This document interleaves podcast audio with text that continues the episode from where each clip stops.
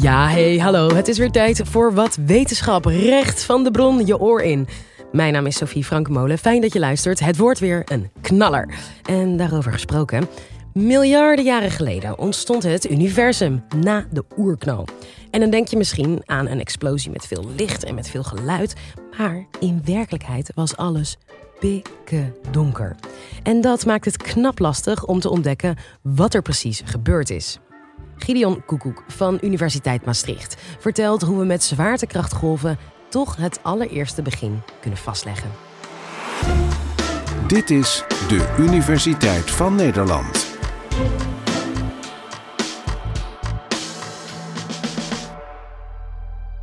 Ongeveer 13,8 miljard jaar geleden ontstond ons universum. Hoe dat precies is gegaan, weten we nog altijd niet. En dat mysterie willen we ontzettend graag oplossen. Nu vraag je misschien af, hoe kunnen we vandaag de dag nou iets achterhalen wat zo lang geleden is gebeurd? Dat ga ik je uitleggen. We gaan als het ware terug in de tijd. Dat klinkt gek, maar het kan echt. Stel je nou eens voor, je hebt een oom en die is op vakantie in de Verenigde Staten. En hij stuurt je een ansichtkaart, zo'n papieren briefkaart, en schrijft daarop dat hij net een heerlijke hamburger heeft gegeten. Hij doet hem op de post, maar ja, post is niet zo snel, dus die kaart krijg je pas vier dagen later. Dat betekent dat als die brief bij jou is aangekomen en je leest dan over je oom, dan weet je eigenlijk wat hij vier dagen geleden gedaan heeft. Die informatie heeft namelijk tijd nodig gehad om bij jou aan te komen. In het heelal werkt het net zo. De zon zendt licht uit. En dat licht reist met de snelheid van, ja, het licht. 300.000 km per seconde. Dat is wel heel snel, maar de zon staat ook een heel aardig eind van de aarde vandaan. Dus ondanks dat het licht heel snel gaat, heeft het nog steeds zo'n 8 minuten nodig om bij ons aan te komen.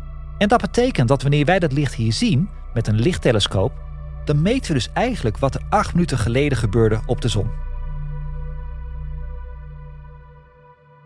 Nou, tot 2015 gebruikten we licht om allerlei objecten en dus gebeurtenissen in het universum te kunnen meten.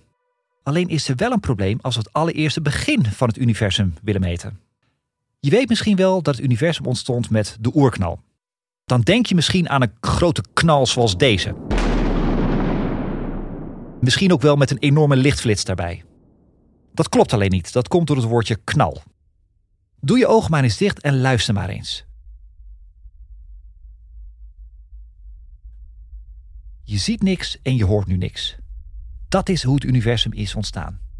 In het donker.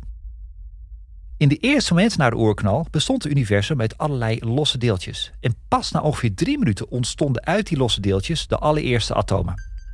In dat begin zaten al die atomen bij elkaar. Het universum rekte uit en werd groter en groter. Nu hebben atomen de leuke eigenschap dat ze lichtdeeltjes, de fotonen, kunnen vasthouden. In die eerste periode waren er dus wel lichtdeeltjes, alleen is het licht niet zichtbaar omdat het gevangen zit in die atomen en het blijft dan dus donker in het universum. Met het uitrekken van het universum rekt het licht ook mee. En licht dat wordt uitgetrokken verandert van kleur. Het wordt steeds roder en roder. Omdat het licht uittrekt en dus van kleur verandert, willen de atomen op een gegeven moment de lichtdeeltjes niet meer bij zich houden. Na ongeveer 380.000 jaar lieten al die atomen in één keer de lichtdeeltjes los.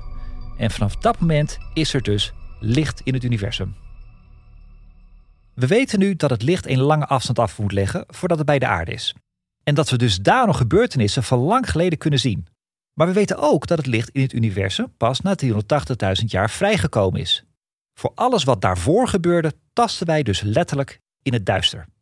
Gelukkig zendt het universum nog een ander type signaal uit dat we sinds 2015 kunnen meten: de zwaartekrachtsgolven.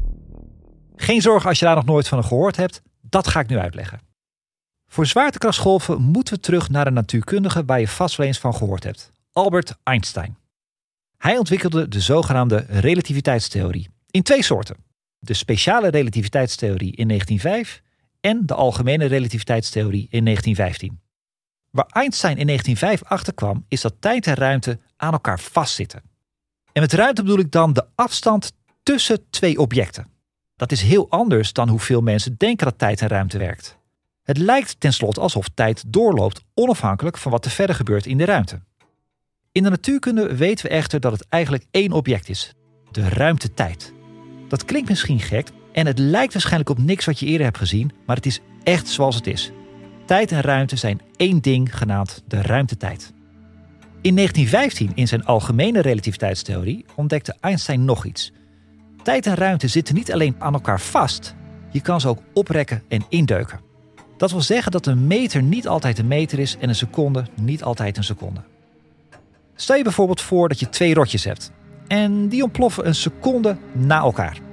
Als je die seconde dan zou uitrekken, dan zit er opeens twee seconden tussen die twee ontploffingen. En iemand die dat van buitenaf bekijkt, zag eerst twee rotjes een seconde na elkaar ontploffen en nu ineens twee secondes na elkaar. Die persoon zou dus vaststellen, de tijd loopt daar langzamer. Jouw seconde is dus niet mijn seconde. En daarom heet het ook de relativiteitstheorie. Want je merkt dat alleen door jouw seconde met die van iemand anders te vergelijken. Tijd is relatief. Misschien heb je wel eens een science fiction film gezien waarin iemand terugkwam uit de ruimte. Op aarde was iedereen intussen ouder geworden, maar deze persoon was nog jong.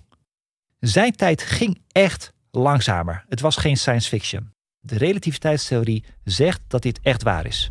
The gravity on that planet will slow our clock compared to Earth's drastically. Oh, bet. Well, e- every hour we spend on that planet will be seven years back on Earth. En omdat tijd en ruimte aan elkaar vastzitten, is het zo dat als de tijd oprekt, de ruimte automatisch mee moet oprekken. Aan die relativiteitstheorie hangt een hele ingewikkelde formule. Maar simpel gezegd, de massa, de hoeveelheid kilo's en energie die je ergens instopt, bepaalt hoeveel groter of hoeveel kleiner jouw seconde of jouw meter wordt. Stel je hebt iets heel zwaars in het universum.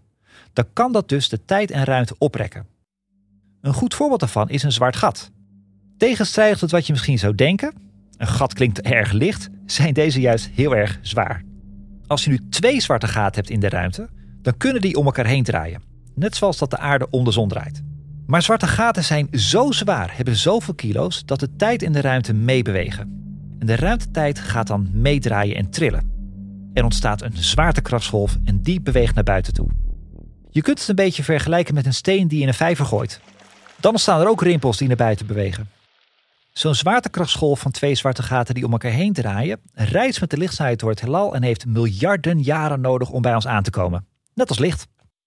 In Italië hebben we een zwaartekrachtsgolfdetector, de zogenaamde Virgo-telescoop.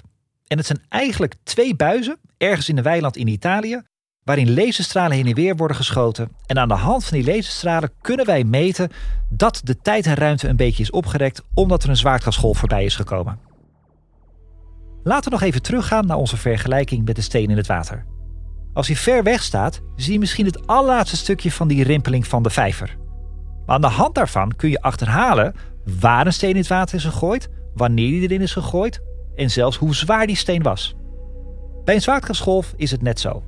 Door vandaag de dag, bijvoorbeeld met de Virgo-detector in Italië, het laatste stukje van de zwaartekrachtsgolf te meten, kunnen we achterhalen wat er miljarden jaren geleden in het universum is gebeurd met zwarte gaten. Je denkt nu misschien, oké, maar wat heeft dit te maken met die oerknal? Dat is een goede vraag. Als we deze techniek van het meten van die zwaartekrachtsgolven beter en beter maken, hopen we uiteindelijk ook te kunnen meten wat er gebeurde net bij de oerknal. Daar speelden grote zwarte gaten niet per se een rol, maar we denken dat bij het ontstaan van het universum ook zwaartekrachtsgolven zijn ontstaan. Sterker nog, dat moet zelfs van Einsteins theorie. De Virgo-detector die we nu hebben is nog niet zo gevoelig dat we het allereerste begin van het universum kunnen meten. Maar dus wel die zware zwarte gaten. Toch kunnen we daar al ontzettend veel van leren. In 2015 is de eerste zwaartekrachtsgolf van twee zwarte gaten gemeten, maar in 2017 werden voor het eerst twee neutronensterren gemeten die om elkaar heen draaiden en botsten. Een neutronenster is bijna net zo zwaar als een zwart gat, dus het is zwaar genoeg om een zwaartekrachtsgolf te maken. Maar daarnaast zenden neutronensterren ook licht uit. Dus in één keer konden natuurkundigen kijken naar het licht en de zwaartekrachtsgolf van zo'n botsende set neutronensterren. En weet je nog dat atomen licht bij zich houden? Dat doen ze alleen van een bepaalde kleur. En dus door die zwaartekrachtsgolf te meten, wisten we dat er twee neutronensterren op elkaar waren gebotst. En met een lichttelescoop konden we zien welke kleur licht en dus welke atoomsoort er was. En wat we zagen was dat de samenstelling van de atoomsoorten in die samensmelting letterlijk voor onze ogen aan het veranderen was. Het bleek dat de atomen samen aan het smelten waren en nieuwe atoomsoorten werden gecreëerd. Kernfusie. Zware elementen waren daar ter plekke gevormd en dat is de stof waar de aarde uit bestaat. Dus voor het eerst wisten we dat alles waar wij uit bestaan daar gevormd is. Met de huidige zwaartekrachtsgolftelescopen kunnen we dus al ontzettend veel. Maar ik zei ook al dat we daar niet ver genoeg mee terug kunnen kijken om het allereerste begin van het heelal te zien. Daar hebben we dus nog een veel gevoeligere telescoop voor nodig. Gelukkig wordt daar nu aan gewerkt. Binnenkort wordt de Einstein-telescoop gebouwd, die nog veel gevoeliger is en waarmee we dus veel verder terug kunnen kijken. Er is zelfs een goede kans dat die telescoop in Nederland komt te staan. Met deze nieuwe detector kunnen we zwaartekrachtsgolven meten van zwarte gaten die nog veel verder weg staan en dus ook verder terug in de tijd. En wie weet kunnen we zo naar het allereerste begin van het universum kijken, de oerknal. Terug naar het begin van dit college met de vraag: hoe zag de oerknal eruit? Dat weten we niet precies. Maar onze nieuwe detector kan ons helpen dit mysterie te ontrafelen en ons nog veel meer over het universum laten leren. En wie weet kijken we dan over 50 jaar terug op de kennis die we nu opdoen als het begin van een hele nieuwe technologie. Je hoorde Gideon Koekoek. Hey, en vind je het mooi wat we maken? Dan kan je vriend van de show worden. Voor maar 2,50 euro per maand kun je ons al steunen. En met jouw hulp kunnen wij twee keer per week een podcastaflevering blijven uitbrengen. Zodat iedereen kan blijven leren van de allerleukste wetenschappers van Nederland. Check de link in de beschrijving voor details. Tot de volgende!